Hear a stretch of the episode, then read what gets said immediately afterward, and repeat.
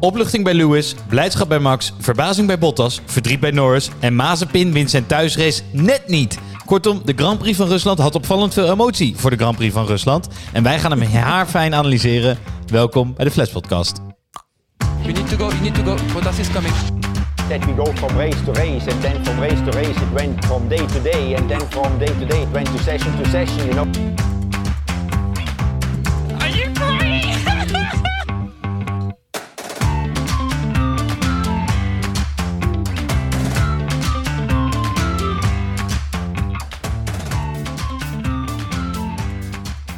Ja, hallo allemaal en welkom bij de vijftiende aflevering van de Flats Podcast alweer. Waarin de meest amateuristische experts van Nederland hier bijpraten over de zin, maar vooral ook de onzin van de afgelopen Grand Prix. En dat is de Grand Prix van Sochi.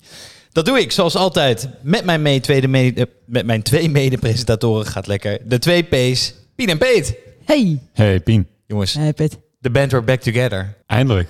Heeft even geduurd voor mijn gevoel. Het het eeuwen geleden dat ze met z'n drieën waren. op vakantie. Ja. Het voelt alsof we weer eindelijk eh, herenigd zijn. Het voelt een stuk beter zo, hè? Toto achter de knoppen. Wij zitten hier gewoon naast. Ik denk dat we het maar zo gaan houden voor in de, in de toekomst weer. Nou, maar ik moet zeggen, vorige aflevering, ik heb wel genoten als luisteraar voor het eerst van Bernard. En ik was ook een beetje, eh, ik, zat een beetje in de rats over mijn positie in één keer. Hij wist wel erg veel, hè? Ongelooflijk. Nou, ik moet zeggen, die kijks, eh, luistercijfers die gingen door de roof natuurlijk. Dus eh, ik kan me voorstellen dat je een beetje ges- gespannen bent vanavond. Dus ja, ik denk dat we hem Ja. niet meer uit moeten nodigen voortaan. Crack under pressure. ja, dat is wel echt zo. Hey, ehm, eventjes voordat we de race induiken. Er staat al een paar afleveringen staat er een weddenschap open. Pien, ik kijk even naar jou. Want Russell die heeft ondertussen wel meer dan één punt gehaald dit seizoen. En jij zei, hij haalt nooit een punt. Eh, en jij zou een liefdesbrief schrijven voor iemand. Heb jij dat gedaan? Ja, dat heb ik gedaan, ja. Oh, mooi. Ik ben een eh, vrouw van mijn woord. Ik, heb, ik ben eventjes gewoon in mijn... ehm, ik ben even in mijn schrijversholletje gekropen. En ik heb, eh, ik heb een hele mooie liefdesbrief bij me. Ik denk dat het echt heel pijnlijk gaat worden. Ik heb er heel veel zin in. Weet je ook al voor wie? Ja, dat zou raar zijn als ik een...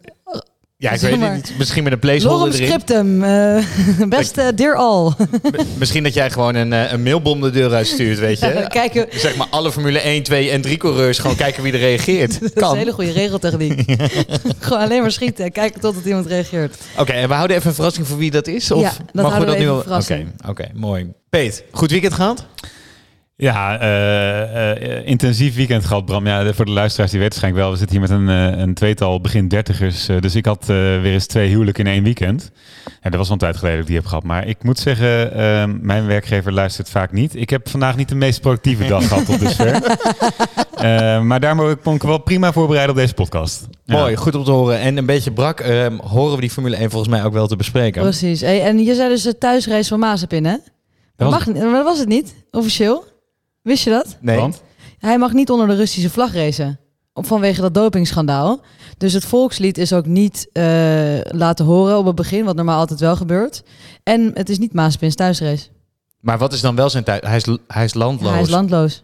Dus eh, op de Noordpool of zo. Ja, geen Rondjes idee. rijden. Een beetje Ja. rondjes rijden daar. Het zou wel de, denk ik de meest veilige plek zijn voor Maaspin. Ja, dat wel. Toen op een gegeven moment Max zat achter hem. Op een gegeven moment dacht ik, oh, oh gaan we. Maar daar komen we straks Daar nog komen we zo wel op. hey, want eh, Jezus van de race, ja. ehm, zullen we gewoon zullen we erin duiken? Ja, dat denk ik wel. Let's go. Zoals altijd beginnen wij dan met de race algemeen. eh, waarin we even op de race algemeen terugblikken. En wij zijn nogal van de superlatieven hè, met z'n drieën. en daar heb ik een beetje spijt van ondertussen. Want we zitten in race 15. En Ja. ik kan de woorden niet meer vinden om uit te drukken hoe vet zo'n race is.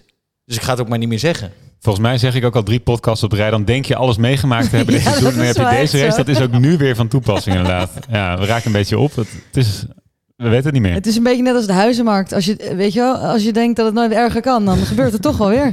Maar het is mindblowing, toch? En eh, dat is wel leuk. Wij, de, er is een foto gemaakt van Pien. Ik zat samen met Pien te kijken.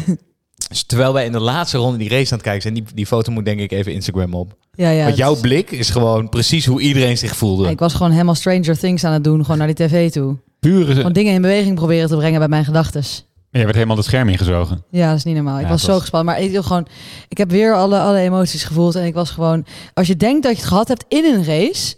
en dan gebeurt ook nog eens dit. Het is toch wel echt een beetje wat elke Formule 1-fan ooit hij wil gewoon tijdens een race, toch? Ja, ja het, heeft alles. Het, het grappige is, ik zat achteraf te denken. eh, eh, de twee saaiste circuits op de kalender, namelijk Paul Ricard en Sochi, Hebben misschien wel de leukste races opgeleverd dit seizoen. Ja, en eh, inderdaad, en Barça ook nog. Dus Spanje is normaal ook heel saai. Die was dit jaar ook echt heel leuk. Het is gewoon eigenlijk wel echt zonde. Want jij zei tegen mij, Bram, net voordat het nu het echt spannend wordt, gaan dus volgend jaar weer die regels op de schop. Ja, die regels zijn dus eh, twee jaar geleden uitonderhandeld om die Formule 1 spannender te maken. Omdat toen Hamilton inderdaad met twee vingers in zijn neus en twee opgestoken middelvingers naar het publiek al die races vond. Maar het is niet meer nodig, bedoel je? Nee, dat veld zit hartstikke dicht bij elkaar nu. Ja, Dus, het eh, wordt nu echt leuk. inderdaad. Ja, en dan ga je nu dus die, die auto's op de schop gooien. Maar goed, Maar en dan nog heel even, want je, je, kwam dus, je ging dus op P2 een pitstop in en je kwam er dus uit op P14, hè? Dat is toch idioot? Zo dicht op Zo elkaar, dicht op bedoel je? elkaar. En het was niet eens in ronde drie of zo, weet je wel? Nee, klopt. Echt, nou, dat vond ik gewoon echt bijzonder. nou tot zover de, de, de haarscherpe, haarfijne analyse van deze race. Nee, dus eh, oké, we gaan eerst even die kwalificatie, dat wil ik wel even noemen. Want de top drie was voor het eerst sinds 2004 weer de traditionele teams. McLaren, Williams en Ferrari. Dat vond ik wel een bijzondere. Ja, dus als je in coma hebt gelegen Oeh. sinds 2003, dan dacht je dat je er niks meer veranderd was. Wauw, ja, dat is, nou, laten we die niet doortrekken naar Schumacher. Maar eh, nee, nee, nee, dat is al... Nee, nee, oké, knippen we eruit. Oké, knippen we eruit. Nee, maar niet. dat is mooi gezegd inderdaad. Dat was me niet eens opgevallen, Bram. Ja, en, wat, Ja. Dus, en wil je weten waarom McLaren, Williams en Ferrari dan zulke bijzondere teams zijn, dan verwijzen we je graag even naar onze Voor Dummies aflevering. Zeker. Jij bent Heb ik die- zo soepel, hè? Niet Die te mention ook weer gedaan. Eh, hey, en dan die race. Jongens, we hebben een aantal coureurs zo meteen eruit gelicht. Maar het is een super mega vette, interessante race. Tot ronde 48 en dan komt de regen. En dan is het toch mind-blowing, beyond everything. Alles wat je wil in een heel seizoen Formule 1 in één race. Ik denk dat dit het leukste is wat ik eh, in, eigenlijk ooit heb gezien in de Formule 1 race. In mijn tijd dat ik kijk. Serieus? Ja. Oké. Gewoon zo laat in de race nog, dit- dat bedoel ik Nou, meer. ik zat net wel te denken, dit, dit is bijna alsof het zo geregisseerd is. Alsof ze tegenwoordig ook de regen kunnen beïnvloeden. Zeg maar. Laten we op ronde Rusland zou het wel 47, kunnen. 48 nu de regen starten. Want dat is wel echt heel gaaf voor de Ja, kijkcijfers. ik zie het Poetin op zich nog wel doen. Maar ehm, nee, ja, het was echt eh, het was gekheid. Want er zijn echt heel veel winnaars en verliezers die voor en na de regen totaal anders waren. Ja, en dat is dus... eh, we, we hebben hier eventjes een dag lang op moeten puzzelen... wat er nou precies gebeurd is in die laatste vijf rondes. Maar we zijn eruit. Ik heb even een top drie lijstje. Top drie winnaars, top drie verliezers. Ja. Dus ronde 48 begint die regen. En in ronde 53 finisht die race. Nou, wie zijn dan de drie grote winnaars? Bottas is van 14 naar 5 gesprongen. Door op het goede moment te stoppen. Rijkonen van 13 naar 7. Max natuurlijk, van 7 naar 2. ja, zeker. En het zijn gigantische jumps hè, in, een, Ja. in, in, een in vijf ronden. Dat kan gewoon niet normaal. Zeker van. Bottas, joh. En die redt een kutrace. Maar goed, Zo, laat maar. houden op zeg. Eh, drie verliezers. Drie verliezers. Nou, Norris natuurlijk. Van 1 naar 8. Verloor zeven plekken. Perez verloor ook zeven plekken. Van 3 naar 9. Eh, en Leclerc die dook van 8 naar 15. En dat zijn alle drie jongens die na het één ronde of twee ronden later dan de rest gestopt zijn voor die regenbanden. Die de gok wilden nemen, verkeerd uitgepakt. Ik vind het ook wel Rijkonen. Ik wil graag even Alonso nog benoemen in dit verhaal. Alonso die stond op P3, hè? Voordat, hij, voordat de regen kwam. Nee, ja, P5. Toen, is P5. Die, toen is hij heel even op P3 gestaan. Omdat hij dus... Ja, je zag dat de, de cut-off point lag op ronde 50. dus je, eh, vanaf ronde, acht, in ronde 48 is Max gestopt. Eh, ronde 49 is Lewis gestopt. En Alonso volgens mij ronde 50. En eh, ronde 50 was Norris nog sneller dan Hamilton. Eh, maar ronde 51 was het gedaan. Ik wil graag nog even de aller, aller, aller, aller, allergrootste verliezer van het hele stijl benoemen. Dat is Giovinazzi. Die had namelijk geen teamradio. Serieus? ja, die had vanaf ronde 1 Hoe doe je dat geen radio. Moet je je voorstellen? Die heeft nooit Dan geweten dat dus er in die- slecht weer aankwam. Dan zit hij dus in die cockpit en denkt hij... Ja, eh, ja, wat zal ik eens gaan doen? Ja, ga je maar hard... Oei, wat, wat heeft hij gedaan? In zichzelf praten of zo? Is toch echt bizar? Ja, dat, is wel heel, dat is wel echt heel moeilijk. Nou, dus, eh, zeker. Want ehm, wat wel grappig is met alle high-tech en alle voorspellingen... want er zijn dus een aantal teams die een fout hebben gemaakt... in die, in die slotfase van die race. En toen, het eerste wat ik dacht was... oké, dan heb je je voorspellingen dus niet op orde. En want vroeger was het zo... dan had je niet zulke hele goede regenvoorspelling. Dan stond er gewoon rondom het circuit... in een straal van 20 kilometer... hadden de teams mannetjes staan... die gewoon belden... het regent hier nu, ja. Nee, dit meen je niet. Ja, Ja, van Piet Paulus maatje gewoon naast het circuit staan. Ja, nou ja, een legertje Piet Paulus Maas. Oudmoorn, Oudmoorn, Oudmoorn, weet je. Nee. maar, maar nu eh, hebben ze allemaal dezelfde weerdata. Dus Ja. het, is, het lag niet, iedereen had dezelfde voorspelling. Dat vind ik dan interessant, maar daar komen we zo dan op terug. Fijn. Jongens, we gaan eh, de, de uitslag van de race was altijd van eh, boven naar beneden. En dan stoppen we steeds waar bij coureurs en, uit- die ons op zijn gevallen. En we beginnen bij eh, ja, de winnaar. We kunnen er niet omheen. Hamilton. Ja, en dan beginnen we bij de racewinnaar eh, Lewis Hamilton. Eh, dat zag er lange tijd niet per se naar uit dat hij deze race zou winnen. Hamilton startte na een aantal fouten in de kwalificatie op zaterdag vanaf P4. Viel in een lastige openingsronde terug naar P7. Maar krabbelde vervolgens op in het veld wat tegenwoordig wel vaker de volgende boordradio oplevert van de teambaas Toto Wolff. Lewis, you can win this race. Blijkbaar is dat tegenwoordig nodig. Dat, eh, in Hongarije is dat volgens mij ook gebeurd. Dat als, het, eh, als Hamilton wat, wat verder achterop in het veld ligt en, eh, en aan opmars bezig is, dan gaat tegenwoordig Toto eh, wat mental coaching doen. Maar waarom was Mercedes en Hamilton nou zo gebrand op deze overwinning? Lewis kon zijn honderdste raceoverwinning ooit halen. Maar dat leek op een gegeven moment leek die opstars, opmars toch echt te stoppen bij P2 achter Norris, die een ijzersterke race aan kop reed. Maar zoals we al hebben gezegd, de regen veranderde alles. Hamilton werd precies op tijd naar binnen gehaald voor de regenbandenwissel. En zo in de laatste vier rondes kon hij in de regen spartelende Norris voorbij gaan en won hij de race. Jongens, was dit een eh, verdiende overwinning? Wat is er?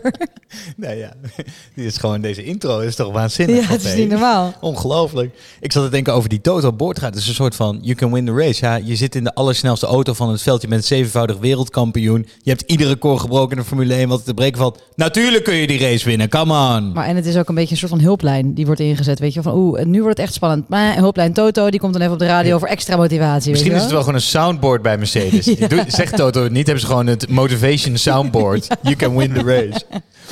Eh, op jouw vraag. Ik vind hem terecht. Ik ook. Hij reed, ja, hij, had deze race altijd gewonnen. Denk je? Ja, hij had de Norris ingehaald. Hij reed zo verschrikkelijk snel naar hem toe. In die, Dat vrije, echt bizar, ja. in die vrije lucht was hij echt onverslaanbaar. Hij was gewoon, ik, in elke race waar er zoveel chaos is, en hij heeft dit jaar wel veel fouten gemaakt, maar in elke race waar zoveel chaos is, drijft hij toch altijd weer boven. Hij weet het toch wel weer echt te fixen. En dat is wel echt heel knap. Dat is, dan betekent het wel echt dat hij de beste is. Maar dit is op basis van de zondag. Precies. Ja, nee. wat, zaterdag, wat daar allemaal gebeurde, daar heeft hij echt meerdere fouten gemaakt. hou op joh. Hij heeft een bottasje, een Grosjeannetje en een Strolletje. strolletje ge, eh, In geflikt. één. Niet normaal. Ja, dus even opzommend. Hij heeft onder andere bij ingang pit heeft hij de muur geraakt en eh, brak hij volgens mij onder meer zijn voorvleugel af. Ja? Vervolgens is hij eh, bij de laatste snelle rondes is hij een keer gespind, eh, waardoor hij niet een snelle raceronde kon neerzetten in Q3. En ehm, hij heeft nog een monteur geraakt, toch Bram? ja, Klopt hij dat? heeft zijn monteur omvergereden in de vrije training. Een strolletje. Even een strolletje, ja. Hij Bizar. en nee, dus dat, dat, en, dan, en dan daarvoor op donderdag zeggen dat, eh, dat hij wel begrijpt dat, hij, dat Max het moeilijk vindt dat hij zo onder druk staat. En dan vervolgens deze fouten maken. Het spreekt wel echt niet heel erg voor je. Maar eh, hij heeft het echt heel goed opgelost op Ja. zondag. Echt Ja. wel knap. Maar ik denk wel dat hij ontzettend blij is met deze overwinning. Want dit werd wel een beetje een pijnlijke statistiek. De laatste overwinning was 18 juli Silverstone. Dat is dus ruim twee maanden geleden. Eh, en hij, hij pakte die honderdste raceoverwinning maar niet. Maar eh, sterk, eh, en daarnaast natuurlijk WK-koppositie raakte verder uit het oog. Maar goed, het is dus nu de tweede statistiek waar hij de 100-grens passeert. Dus hij had al een keer de 100 pole positions en nu de 100ste raceoverwinning. Daar moeten we misschien, ondanks dat wij ook soms wel eens een klein oranje brilletje op hebben, mogen toch wel even aan hem geven. Dit is wel echt Nee, dit is heel grootheid. bijzonder. En ik vind het ook nog wel heel grappig. het, is, het is echt een grootheid. Maar ik vind het ook heel grappig om nog heel even aan te stippen die pitstops.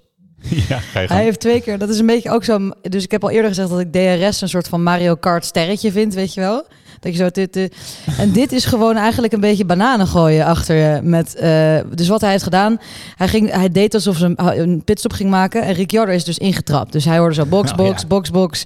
En toen gingen zijn pitcrew ging al naar buiten. Ja. En toen dacht iedereen, oh, hij gaat pitten. En die leugenaars bij Mercedes, die zijn toen weer zo tu, tu, tu, tu, tu, weer naar binnen gelopen. En Ricciardo is dus ingetuind. En daardoor heeft hij dus Ricciardo gepakt. Dat vind ik zo, vind ik wel echt hilarisch. Het is echt in de categorie, we gaan Polen niet binnenvallen. Maar goed. Ja. Ah, dat is wel gewoon een succesvolle move van eh, Mercedes, toch? Het mag dus eigenlijk niet, maar dus hebben dus deze regels nog nooit echt toegepast. Maar dit heeft hij volgens mij tot twee keer toe aan gedaan, deze race.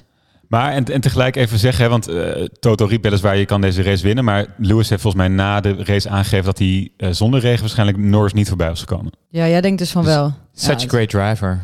Is such a great driver. Ja, ja, dus de underdog-positie. eh, hij heeft een hele kleine hond, hè? Russell, hoe heet hij? Nee, niet Russell natuurlijk. Hoe heet hij? Co- Roscoe. Roscoe. Roscoe heet zijn hond. Nou, dat, dat is zijn grote idool, geloof ik. Hij wil altijd de extreme underdog zijn. Dus tuurlijk zegt hij dit. Maar hij had Norris echt wel ingehaald, hoor. Ik vond het dan wel, en dan is hij dus, heeft, is hij, heeft hij echt veel goeds gedaan. Hij heeft zo'n goede race gereden en dan gaat hij die microfoon. I want to thank everybody back at the factory. Dan denk ik, ah. Ja, wees nou een keer blij, man. ik vind wel trouwens over zijn statistieken. Ehm, ik kijk, dit jaar verdient hij ze allemaal. Dus eh, nu die honderdste, ja, daar moet hij ook echt keihard voor werken. Dus Ja. eh, fijn. Dus dit, dit jaar, en misschien dat seizoen van Rosberg. Al die andere seizoenen vind ik dat we even een sterretje erbij moeten plaatsen in de statistiek, hoor. ja.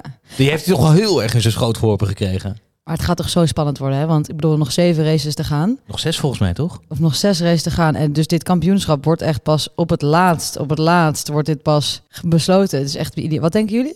Nu? Ik denk, eh, maar dat is gelijk een mooi bruggetje naar het volgende punt. Ik denk dat Max hem gaat pakken. Jij? Ja, Max, zeker. Ik weet het echt niet hoor. Nee, ja, tuurlijk weet niemand het, dus moet je maar wat zeggen. Kom op, daarvoor zit je hier. Oké, oké, ik doe Hamilton. Je zit hier niet om genuanceerd te zijn. Nee, en daarover gesproken kunnen we door naar misschien wel de, de morele winnaar van deze race, Max Verstappen. Ja, ehm, Max Verstappen, die heeft toch wel weer echt hele, hele goede zaak gedaan. Ik vind eigenlijk dat hij een beetje een uitslag is waar die Hamilton maar niet wegkrijgt. Want je denkt, hè, op zo'n weekend, hij heeft drie plaatsen gridstaf, hij pakt dus die, die extra straffen ook nog erbij, hij begint hem achteraan. Hamilton zou het moeten doen. Wat gebeurt er nou? Max die eindigt toch op P2. Dus die zit op die eerste stint mediumbanden, die beukt door dat hele veld heen. Vervolgens wisselt hij naar de harde band. Gaat niet echt heel soepel. Ik, hij is voor het eerst ingehaald ook. Door iemand anders dan Lewis Hamilton. Dit seizoen heb ik dat volgens mij nog niet eerder meegemaakt. Ja. Eh, maar daarna komt natuurlijk weer de regen en daar komt hij weer bovendrijven. Dus hij heeft gewoon echt goede zaken gedaan. En op jouw vraag wordt hij wereldkampioen. Dat wordt hierdoor wel echt wel spannend hoor. Want wat gaat er nu gebeuren met die hele banden, met die motorwissel van Mercedes? Ik weet het niet. Precies. Nou, en een leuke vergelijking misschien. Soms wordt dat in het voetbal ook wel eens aangehaald. Dus als een kampioenskandidaat team zeg maar ergens een slechte wedstrijd speelt tegen een matig team, maar dan door het nodige geluk toch zo'n wedstrijd wint. Dat is hier ook een beetje van toepassing. Niet per se omdat Verstappen een slechte race reed, maar wel omdat hij helemaal achteraan startte. En door het nodige geluk, in dit geval door regen, dus toch op P2 eindigt. En wat mij betreft is dat het geluk van een, eh, van de wereldkampioen. Dus als je ook hier op dit soort races, waar je naast je vierde motor in zet, ook hier 18 punten pakt. Ja, dan, dan, dan ben je wat mij betreft onderweg naar eh, een, Nou ja, een wereldkampioenschap. En ze zeggen dus wel, ehm, hij heeft heel veel geluk gehad. Maar aan de andere kant, Bottas begon voor hem. En ook achteraan. En Leclerc ook. En die zijn echt, die hebben geen deuk in de pakje boter gereden, die, die race. Ja, en nog heel even die, die motorwissel, die, ehm, voor de luisteraars die het niet snappen. eh, Mercedes moet dus waarschijnlijk nog, is het gerucht, we weten het nog niet zeker, de motor van Lewis gaan wisselen. Dus die moet waarschijnlijk eenzelfde straf gaan pakken, ergens in de komende zes wedstrijden. Ja. En dan nog maar zien dat hij tweede wordt. Ehm, ik wou nog heel even op Bottas doorgaan. Want wat een move van Mercedes toch, dat je voor het tweede weekend op rij de motor van Bottas wisselt. En volgens mij gewoon 100% om hem Max maar op te laten houden daar achterin. Bizar. En Ja. dat is even niet gelukt. Nee, nee, nee. Sorry, dat ben ik helemaal vergeten te zeggen inderdaad. Dit is toch echt... Dit heeft drie rondes geduurd. Uh, Nou, zes rondes, nou, maar, rondes. maar dit is inderdaad... Wat een het- fout. Maar had hij scheid het is- of niet? Wat zeg je? Bottas. Zeg maar, was het omdat hij gewoon... Nee, dit is denk ik gewoon echt, eh, echt eh, een mindere coureur zijn dan, dan Max. Als ik, heel erg, eh, als ik hem even heel kort door de bocht eh, maak. Maar in ronde 6 inderdaad, en dat was denk ik absoluut niet volgens plan van Mercedes, gaat die man voorbij. En, en dan is inderdaad die, is die hele strategie eh, heel duur geweest, dat zou je kunnen zeggen. Want Bottas heeft ook echt alleen maar achteraan gereden vervolgens. Ja, maar we hebben het wel eens in een eerdere aflevering gehad over pesten op de werkplek. Maar dit is toch wel. Dit, is toch, dit gaat toch wel heel ver dat je een Ja. nieuwe motor voor tweede. Dat, hoe duur is zo'n motor? Ja, echt. paar tonnetjes. Een paar tonnetjes. En het, mo- en het mooie is nog, Bottas heeft dus op zijn eigen Instagram een meme geplaatst van me and all my engines. En dan dus een foto van honderden motoren. Heeft hij zelf op zijn Instagram. Wat goed. Dus hij heeft er ook echt de, de pest in gewoon. Hij is er echt klaar mee. In ieder geval, ja. Maar, oh ja, en ik wilde nog graag eventjes eh, eh, benadrukken dat het echt een nippertje heeft geschild of Max lag eruit, hè? Weten jullie dat nog? Door Leclerc bedoel je? Ja, dus hij wilde Leclerc en Vettel wilde die tegelijkertijd inhalen, die met elkaar aan het racen waren. En het was echt, het scheelde een millimeter of hij was gewoon de muur ingedrukt door Leclerc. Dus toen dacht ik alweer, oh ja, daar gaat het. Het gaat mis. En wat, ik, wat, ik nog, wat mij echt opviel, eh, we hebben het wel eens gehad over de eh, reactie van Verstappen na Zandvoort. De meest legendarische overwinning ooit zou je kunnen zeggen, weinig blijdschap. Hij was nu zo blij gisteren. Hij schijnt zich ook tijdens de race te hebben neergelegd bij die P7. En toen kwam hij natuurlijk door die regenchaos totaal onverwacht op P2 uit. Maar hij was, je zag het in zijn ogen eh, bij de camera's na die race, hoe blij hij was, hoe onverwacht dit was. En datzelfde, minder eh, grote blijdschap zag je, zag je toch ook een beetje bij Lewis, die doorhad dat hij na die P1 toch Verstappen achter zich had. Ja, ik vond het wel een briljant momentje. ja, leuke statistiek is nog overigens dat het sinds eh, Vettel in 2019 niemand is gelukt om van 20 naar 2 te rijden. Dus geeft ook wel aan dat we naar een bijzondere race hebben zitten kijken. Eh, we hebben ook naar een hele bijzondere race zitten kijken van eh, mijn nieuwe favoriete coureur. Carlos Sainz. Ja, Carlos had een, eh, een heel sterk weekend. Hij reed zaterdag eh, een eh, mega goede kwalificatie met een P2. Dat is overigens de beste uit zijn carrière. En pakte in de openingsronde van de zondagrace ook nog eens de koppositie van Norris over. En dat zal toch wel wat zweethandjes hebben opgeleverd bij onze Spaanse vriend. Want die is inmiddels 27 jaar oud. Maar had voor deze race slechts één ronde in zijn carrière aan kop gele- gelegen in een race. En die heeft die statistiek eh verdertienvoudigd. Eh, want hij heeft 13 rondes aan kop gereden voordat hij werd ingehaald door Norris. En even leek het ernaar een stuk slechter te gaan uitzien. Want door een eh, vroege pitstop ehm, kwam hij toch echt wel ver achter in het veld met heel veel traffic voor zich. eh, waar zijn concurren- concurrenten wat later pitten en daar minder last van hadden. Ehm, en toen kreeg je op een gegeven moment op de teamradio volgens mij te horen... eh, Carlos, eh, P5 is voor jou maximaal haalbaar. En heeft die kerel zo hard om gebaald. Ja, en dat hij dus ook nog door die regen naar eh, P3 reed. Ja, dat is... volgens mij had deze race alles voor hem. Highs en lows. Voor het eerst een podium waar hij waar die daadwerkelijk op het podium stond. Waar die echt bij mocht zijn, hè? Ja. Ja. Nou, en, ja. Hij is twee keer inderdaad derde geworden omdat er iemand later gedisqualificeerd werd. Hè? Ja. dus had hij niet zijn feestje. Nee. Eh, weet je trouwens dat hij... Het leuke vind ik aan hem... Er zijn een paar redenen waarom hij mijn fa- favo is. Maar hij is ook heel eerlijk geweest hè, over die fouten tot nu toe. Dus een fout in eh, zowel eigenlijk Zandvoort als op Monza. En hij gaat er niet omheen draaien. Hij zegt gewoon, het is mijn fout, punt. ja. En dat, was, en dat is mega verfrissend om te zien. En laten we ook niet vergeten dat die Ferrari niet zo goed is hoor, die auto, om, om, om een P3-plek te rijden. Dus hij is echt boven die auto uitgestegen om dit er, eruit te slepen. Ja, leuk. zeker. zeker. En eh, we hebben het ook wel eens vaker de vergelijking met Leclerc gemaakt. Hè, maar daar is hij nu ook wel echt eh, voorbij in die WK-stand. Leclerc die zat weer overal. Die vliegt weer eens de baan af natuurlijk. Maar ja, Sainz presteert gewoon wel echt. eh, hij heeft gewoon veel betere Maar statistieken kunnen we jaar. dus met elkaar eens zijn dat ten eerste hij echt een van de meest onder, underrated eh, coureurs is. En ten tweede dat hij gewoon echt beter is dan Leclerc. In ieder geval dit seizoen in de Ferrari. Leclerc zit echt al jaren bij Ferrari. Hè? En Sainz die zit er nu een jaar. En kijk hoe goed hij het doet. En hij zit daarvoor, heeft hij bij elk team heeft hij zich bewezen. Wat was er denken jullie gebeurd als hij bij McLaren was gebleven? Denken jullie dat het wel goed is geweest dat hij naar Ferrari is gegaan? Goeie vraag hè? Ja, bij McLaren dit jaar wel een race kunnen winnen, denk ik. Want ik denk dat hij wel baalt, toch? Als hij ziet dat die McLaren 1-2 en nu weer hè, Lennon Norris zo goed en Ricciardo nu ook op 4. Toch wel een flinke domper. Of denk je dat Ferrari zoveel allure heeft dat hij dat, dat hij toch wel accepteert? Allure schijnt veel goed te maken voor eh, mensen die bij Ferrari rijden. Ja. Ja, dus of hij spijt van heeft, weet ik niet. Maar ik denk wel dat hij dit jaar een race had kunnen winnen als hij in McLaren had gezeten. Ja, dat denk ik ook wel, Ja. ja. En een andere interessant statistiekje. Eh, een beetje pijnlijk voor de teamgenoot van Verstappen. Maar Sainz staat nu zesde in het WK en slechts 7,5 punten achter Perez. In een veel mindere auto. Ja, ik weet niet, maar Perez, ik, ik, eh, ik weet niet wat hij aan het doen is. Maar Hij is staat niet op ons lijstje, maar eh, die had inderdaad geen eh, gelukkig weekend. Maar dat was een van de verliezers van de regen. Hè? Dat, eh, die stond daarvoor. eh, Verliezers van het seizoen. Hij staat inderdaad niet op ons lijstje. Dus we, misschien dat hij volgende race maar weer aan bod komt. Ehm, en wij zijn halverwege eigenlijk de coureurs die we willen behandelen. En dan gaan wij, zoals altijd, even naar de rubriek buiten de baan.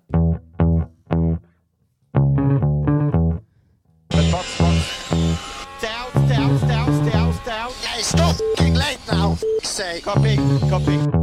Ja, de rubriek waarin Pien elke race weer een feitje meeneemt van iets wat zich buiten de baan heeft afgespeeld. Dus wij zijn heel benieuwd, Pien. Wat heb je deze week voor ons meegenomen? Ik ga het deze week kort houden, want eh, zoals je merkt hebben we nogal veel te bespreken over deze race. Maar ik wil toch even één ding eh, laten weten. Dat is natuurlijk de documentaire van eh, Michael Schumacher staat nu op Netflix. En denk je, ja, dat wisten we wel, want iedereen opent Netflix ongeveer vijf keer per dag. maar ehm, waar ik dus, eh, dat toen zijn er bij mij wat dingen gaan dagen. Namelijk, wow, wat lijp dat hij gewoon die dude omver heeft gereden. eh, heel bij zijn eerste wereldkampioenschap. En wat een ongelofelijke klootzak kan het soms zijn. In tegenstelling tot zijn zoontje. Want daar heb ik heel even een boordradiofragment van meegenomen... waardoor mijn nekharen overeind gingen staan. Want al hoe Schumacher een klootzak kon zijn soms... excuse my French... kon zijn zoontje kan het niet eens opbrengen om te schelden. Want dit is een fragment waarin hij net niet door Q3 komt bij eh, de kwalificatie. En dat gaat als volgt. Now Mick Schumacher across the line stays down in 17th. He was one second out from um, Q2, but really good, uh, really good improvement. Uh, beep, beep, beep, beep, beep. Beep. Uh, no need for the bleep machine. He's providing his own this week, Mick Schumacher. Wa nou ja, Ja, goed opgevoed. Kan niet normaal. Doe nou even normaal. Wat vind jij hier nou van, P? ja, ik vind het ook wel. eh, dit, is, eh, eh, dit mag wat mannelijker, wat mij betreft. Ja, Dit die, mag, die toch moet, niet? tuurlijk, die moet gewoon zijn scheur opentrekken als hij baalt. Beep, beep. Dat Ja. is een soort van Looney Tunes. Eh, nerd, nerd alert. Ja, echt. ja. Goed, dat was mijn buiten baantje. Want op plek nummer 8, we kunnen er niet omheen. We pakken alvast een potlijm om ons hart weer aan elkaar te lijmen. Maar Lando Norris. Oi, oi, oi. Dit is denk ik het moment tijdens de race dat ik oprecht bijna moest huilen. Ik vond het zo zielig. het Moest je hele... echt bijna huilen. Ik vond het echt zo Omdat er erg. een miljonairszoon in een F1-auto even te koppig is om regenbanden te halen en dan de race niet wint. Als je het zo stelt. Pien, ga door. Ga door in die emotie. Ik vond het mooi. Misschien is dit wel een hint naar, naar wat er nog komen gaat zo meteen. Oh ja, ja, ja. Oh ja, oh ja. Ehm, maar dit, deze, deze lieve jongen, gewoon perfect hè, het hele weekend. Rijdt pole position, doet het hartstikke goed, verliest eventjes de leiding, maar pakt hem weer terug. Ligt op een gegeven moment 14 seconden voor Hamilton. Wat gebeurt daar? Hartstikke mooi allemaal. En dan heb je het gewoon bijna. En dan vijf rondes voor het einde begint het te missen. En dan ben je jong en dan ben je gretig. En dan wil je niet naar binnen voor die banden. En dan is je team een beetje ambigu. En dan gaat het mis. En ik vond dat toch wel echt heel erg. En eh, ik wil eigenlijk aan jullie vragen: wie denk je dat meer in de fout zat? Norris of het team? Ja, ik heb daar dus een hele sterke mening over. het is wat mij betreft echt een fout van het team. Hoe kun je aan een coureur vragen of, of, hij naar, of hij naar regenbanden wilt? Je kan prima aan een coureur vragen in een droge race... hoe is het met je banden, met je mediums of je hardjes of, je softs? Maar om te vragen, Lando, uh, how do you feel about inters? Het is niet zo dat hij een iPad op zijn schoot heeft zitten met de buienradar eh, aan. Hè? Hij kan die weervoorspelling, die data heeft, heeft, heeft zijn teamleiding. Dus dat vind ik het onvoorspelbaar, onvoorstelbaar dat je zijn, eh, zo'n keuze aan hem laat. Ja, want als, als het dus droog wordt, dan kan een coureur het eigenlijk het beste bepalen. Want daar is geen regenradar voor, zeg maar. Want dan moet die baan Precies. aanvoelen. Maar inderdaad, nu is het met die regenradars. En ik heb daar een fragment voor meegenomen. Namelijk eerst eh, die van Lando Norris, waar ze inderdaad vragen aan hem: wil je? En dan, dan zie je de- hoe het daarna uitpakt. Lando, what do you think about it Inter? What do you think about it in Inter? No! Hamilton has taken it. He's gone to an Inter. Yes, I see. I see. We just gotta commit to staying. It's fucking. It's full weight, boys. I got a box. I'm gonna shut. Yeah, we're going to come in. I this can't time. do this. We're going to come in. We're going to box.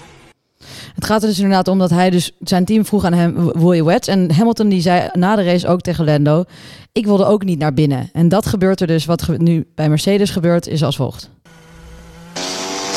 It's stop raining, man. So, box, box, box, confirm. There's more coming. Heel simpel. Zij zien gewoon op die regenradar, er komt nog meer regen, dus je komt nu naar binnen. Geen vraag, niks. Dus Hamilton is uiteindelijk naar binnen gegaan en daar inderdaad heeft het team gewoon de race voor hem verloren. Ja, nou, zo moet het gaan, denk ik. Nou jongens, ik ben het hier hartstochtelijk mee oneens. Ga je Ik gang. zei net al in de opening, ze hebben allemaal dezelfde regenradar. En zeg maar, iedere eh, zeg maar, tiende graad in een band wordt gemeten. Als het heel duidelijk was op die regenradar dat er heel veel regen aankwam, hadden ze hem echt wel naar binnen gehaald. Zo is het ook. Het was gewoon heel ambigu wat er ook op dat scherm te zien is. En dan ben je heel erg afhankelijk van een coureur die op dat zo'n circuit is kilometers lang. Hè?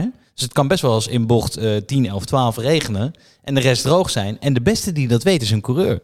En wie heeft het dus het beste gedaan? Geen toeval. Max.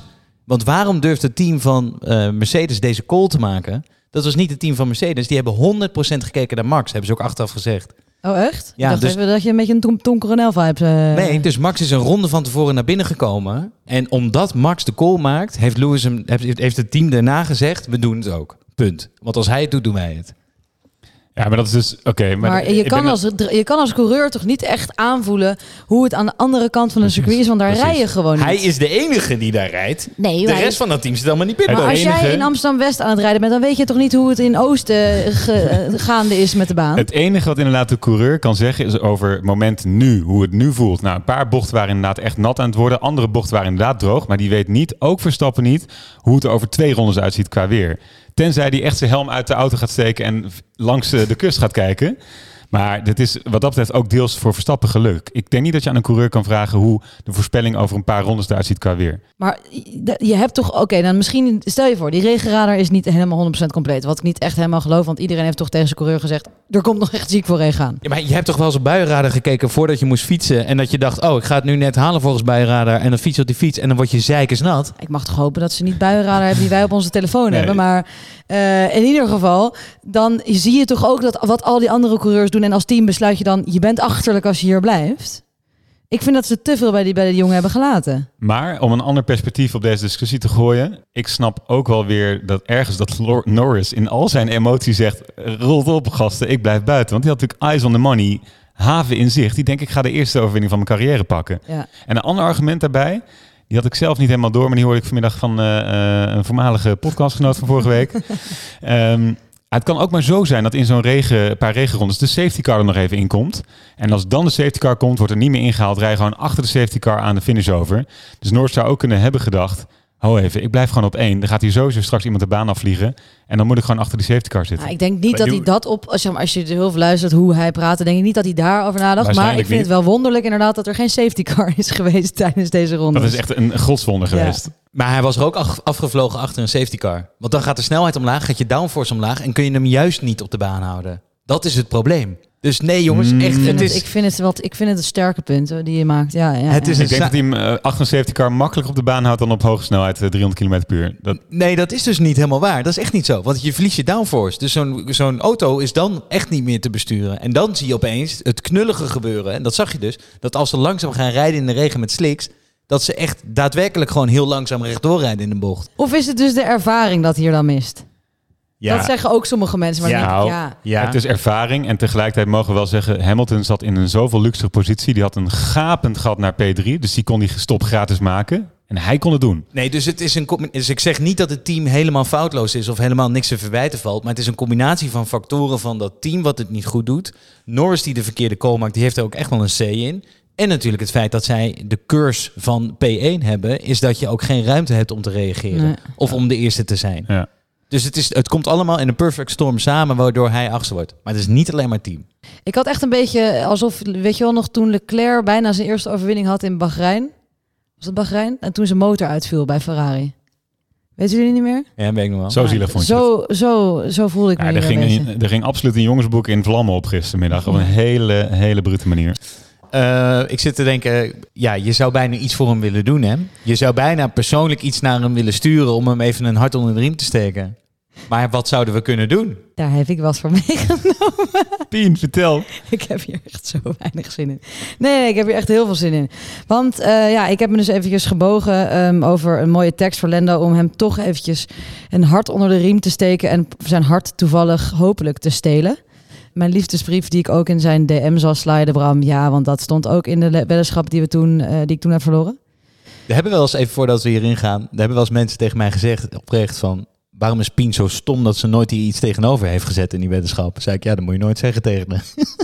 Nou, dat Bij deze Pien, goed, voor je volgende weddenschap. Voor Voor je volgende maar je hebt verloren. Pien, take it away. Lieve Lando, zoals ome Louis al zei, you're such a great driver. Je inhaalmanoeuvres en scenario 7, die mijn hartje vaak sneller heeft laten kloppen. Je degelijkheid naar het team en tegelijkertijd je snelheid in je papaya-bolide. Maar ome Louis ziet alleen je oranje-blauwe helm in zijn spiegels of jouw husky-achtervleugel, waarvan ik nog steeds niet begrijp wie die sponsor nou precies is. Maar ik, ik denk, jij bent zoveel meer dan dat. Je extreem opslaande hoge lach die erop wijst dat je nog geen baard in de keel hebt. Dat je de enige op de grid bent die wel vrienden en wil en kan zijn met Max Verstappen. Hoe je de sport leuker maakt en nieuwe fans aanspreekt, dat doen wij ook, maar dan op micro, microniveau. Zo zie je maar, wij hebben dezelfde ambities. Buiten dat zijn wij ook nog eens verre buren. Want ik heb jouw pannenkoeken horen zeggen en jouw Nederlandse taal is gewoon goed. Ik ken iemand wiens visio jouw tante is, dus we zijn op meer dan één manieren met elkaar verbonden. Ik zal negeren dat we iets van leeftijd verschillen. Of dat je nooit echt met Danny Rick hebt willen chillen. Je hebt net je hartje gebroken na dit weekend. Het deed mij ook heel veel pijn. Ik kom graag je hartje lijmen en dat wij dan daarna samen zijn. Ooit zei jij onterecht I love you Louis. En nu zeg ik terecht I love you Lando. Oei, oei, oei, oei, oei, Oh man, ik smelt. Wat een geluksvogel die Lando. Eh. Als hij hier niet op ingaat, hé, come on. Ja, dit gaat dus in zijn DM gesluit worden. In Dit- het Nederland? nee, Als ik ga hem in audio het of als Nederlands- tekst? Ik ga met... Misschien zou ik wel een audio Als audio, alle, nou, in ieder geval allebei. Hij kan dus eh, een paar woorden Nederlands, dus ik zal hem in het Nederlands en in het Engels eh, sturen. Oei, oei, oei. Oh, mooi. Ik ben, en ik ben, en weet je wat ik me ook afvraag? Of dichter Luc hier nog overheen kan laten nou, ik deze voelde, uitzending. ik voelde wel de druk, want ik dacht ik moet natuurlijk geen gedicht schrijven, want dan kom ik niet eens in de buurt van onze meesterdichter Luc. Precies. Dus, ehm, nou goed. Hier gaat hij blij mee zijn Hier- hoor. we hebben Ik vond het mooi. Pien. Echt. Ja. Hier gaat hij blij mee zijn en eh, dit gaat ongetwijfeld zijn leed verzachten. we, gaan, we gaan door naar even de laatste coureur die we vandaag willen behandelen. En dat is op plaats 10 George Russell. En dan kan je zeggen, we hebben het veel te veel over George Russell. En jullie steken zo vaak de loftrompet over George Russell. Maar ik ga het gewoon weer doen. Fuck it. Want die gast doet het gewoon waanzinnig goed. In, laten we niet vergeten, waarschijnlijk de tweede of derde langzaamste auto op de grid. Kwalificeert zich als derde. Dat is, ja, dat begrijp ik ook wel, omdat hij het risico kan nemen. Als eerste naar die softs kan gaan, dan het meeste rondes kan rijden. Maar hij is niet de enige geweest die in die kwalificatie op softs heeft gereden.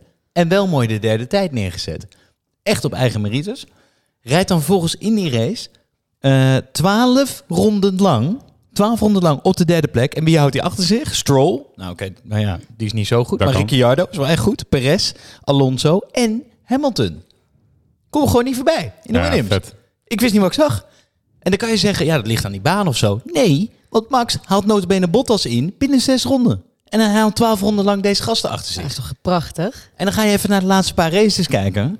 In Hongarije werd hij achtste. Toen stond hij nog te janken, weet je wel. Dat Ja. is waar jij je weddenschap verloren hebt. Eh, na die zomer wordt hij in België wordt hij tweede. Oké, bijzondere omstandigheden. Toch wel tweede. Hè? hij staat er wel. Ja. Nou, Zandvoort dit niet, eh, heeft hij niet gefinished. Kan gebeuren. Vorige week Monza negende. Nu tiende. Het is een puntenrijden is normaal aan het worden. Waar wij dus voor de zomer nog een weddenschap hadden. Waarin Pien durfde te zeggen. Die gast gaat never nooit punten Ah, het, is, halen. het is niet één race gebeurd. Het is nu wel echt bijna elke race Ja, gebeurd. dat is echt niet normaal. Vorig jaar volgens mij 0 punten gehaald. Eh, hij heeft nu 16 punten. Dat is twee punten achter Tsunoda. Die gaat hij gewoon bijna inhalen in het klassement.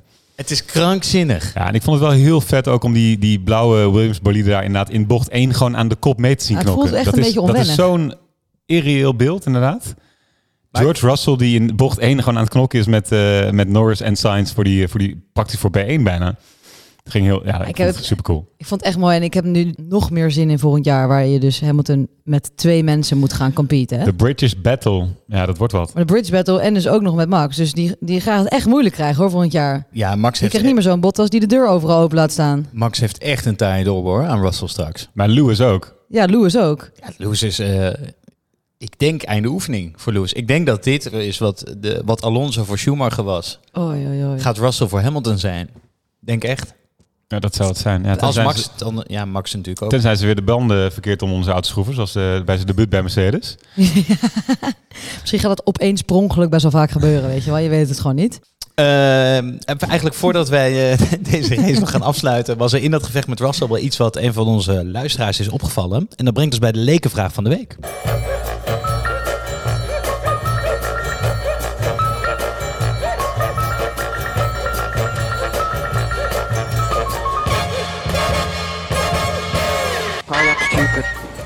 I am stupid.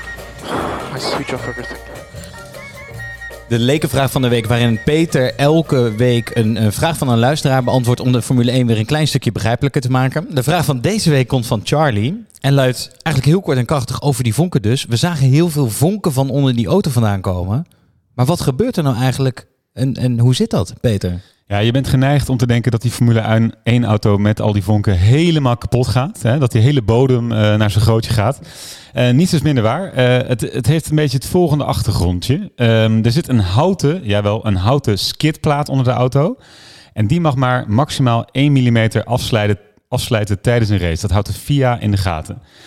Om te voorkomen dat auto's niet te laag worden gelegd.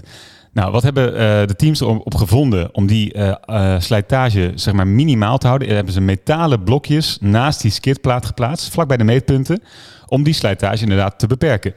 Waar hebben ze die metalen blokjes van gemaakt? Titanium. En waarom? Omdat het gewoon super vet is. Want titanium op asfalt geeft mega veel vonken. Dit is gewoon letterlijk spektakel. Dit is gewoon het argument waarom er titanium onder die auto zitten, is gewoon spektakel. En ze hebben dat eh, als teams afgesproken dat het er vet uitziet als er vonken zijn, eh, als, als ze die blokjes in titanium uitvoeren. Dat is, onge ja, dat is, dat is de reden voor eh, waarom je vonken ziet bij Formule 1. Dus het heeft wel een functionele reden, Ja. maar ze hebben dan in de materiaalsoort wel voor spektakel gekozen. Ze hadden ook een andere materiaalsoort kunnen nemen en dan was het minder vonken. Maar vanaf 2015 is dit gedaan en het heeft goede reacties, tot goede reacties geleid bij de teams en, en de fans. Dus ze houden het erin. Waanzinnig. Iets waar we ook heel veel goede reacties op krijgen is onze nieuwste rubriek Dichterop, waarin dichter Luc zijn poëtische blik op een eh, race deelt. Ik moet zeggen, wat wij dus steeds proberen in drie kwartier te doen, lukt hem altijd drie keer beter in een halve minuut. Ja, ik vind het waanzinnig wat voor woorden hij weet te vinden om een race uit te drukken, uit te leggen, vooral ook de emotie daarin mee te nemen en ook nog eens een keer een stuk analyse. Eh, en we hebben besloten om dat eh, maar eens een keer te gaan belonen met een eigen jingle. Komt-ie!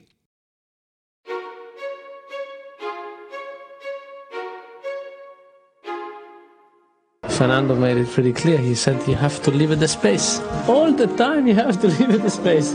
Yes.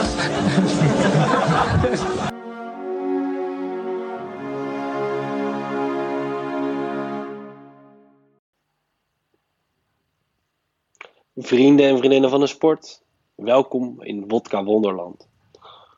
Welkom in het land dat er in de sport niet mag zijn, maar waar de sport wel mag zijn.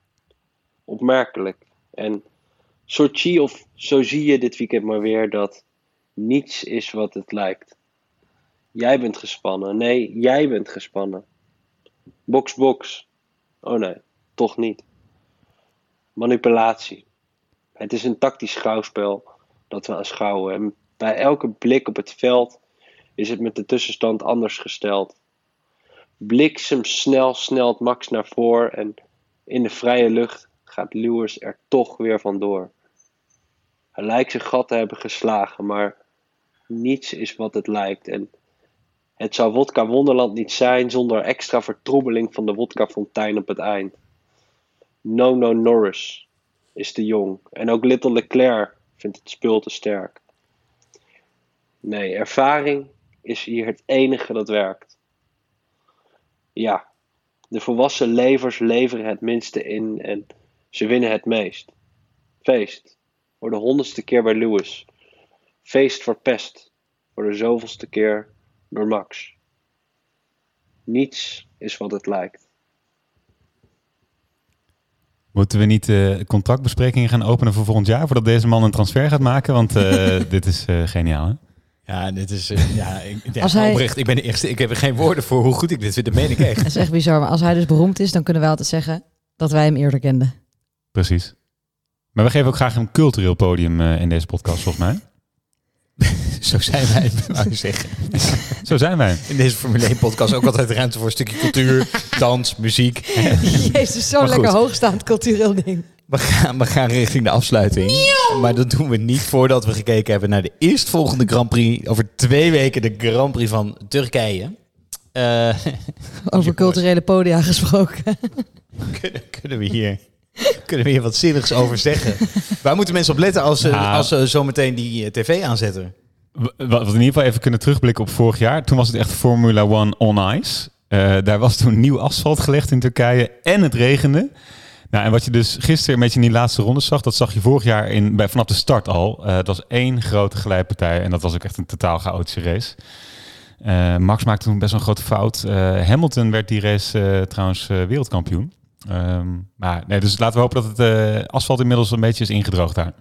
Dat was echt een klote race van Max. Iedereen vond... Ja, hij is toen volgens mij probeerde hij iemand in te halen. Toen kwam je te dichtbij en toen is hij gespind. Perez. Perez, oh, hij ja. probeerde Perez in te ja. halen. Ja, klopt. Ja, dat was een, eh, nee, dat is echt een dramatische circuit. Eh, nou, want hij was de, het hele weekend goed tot de kwalificatie begon.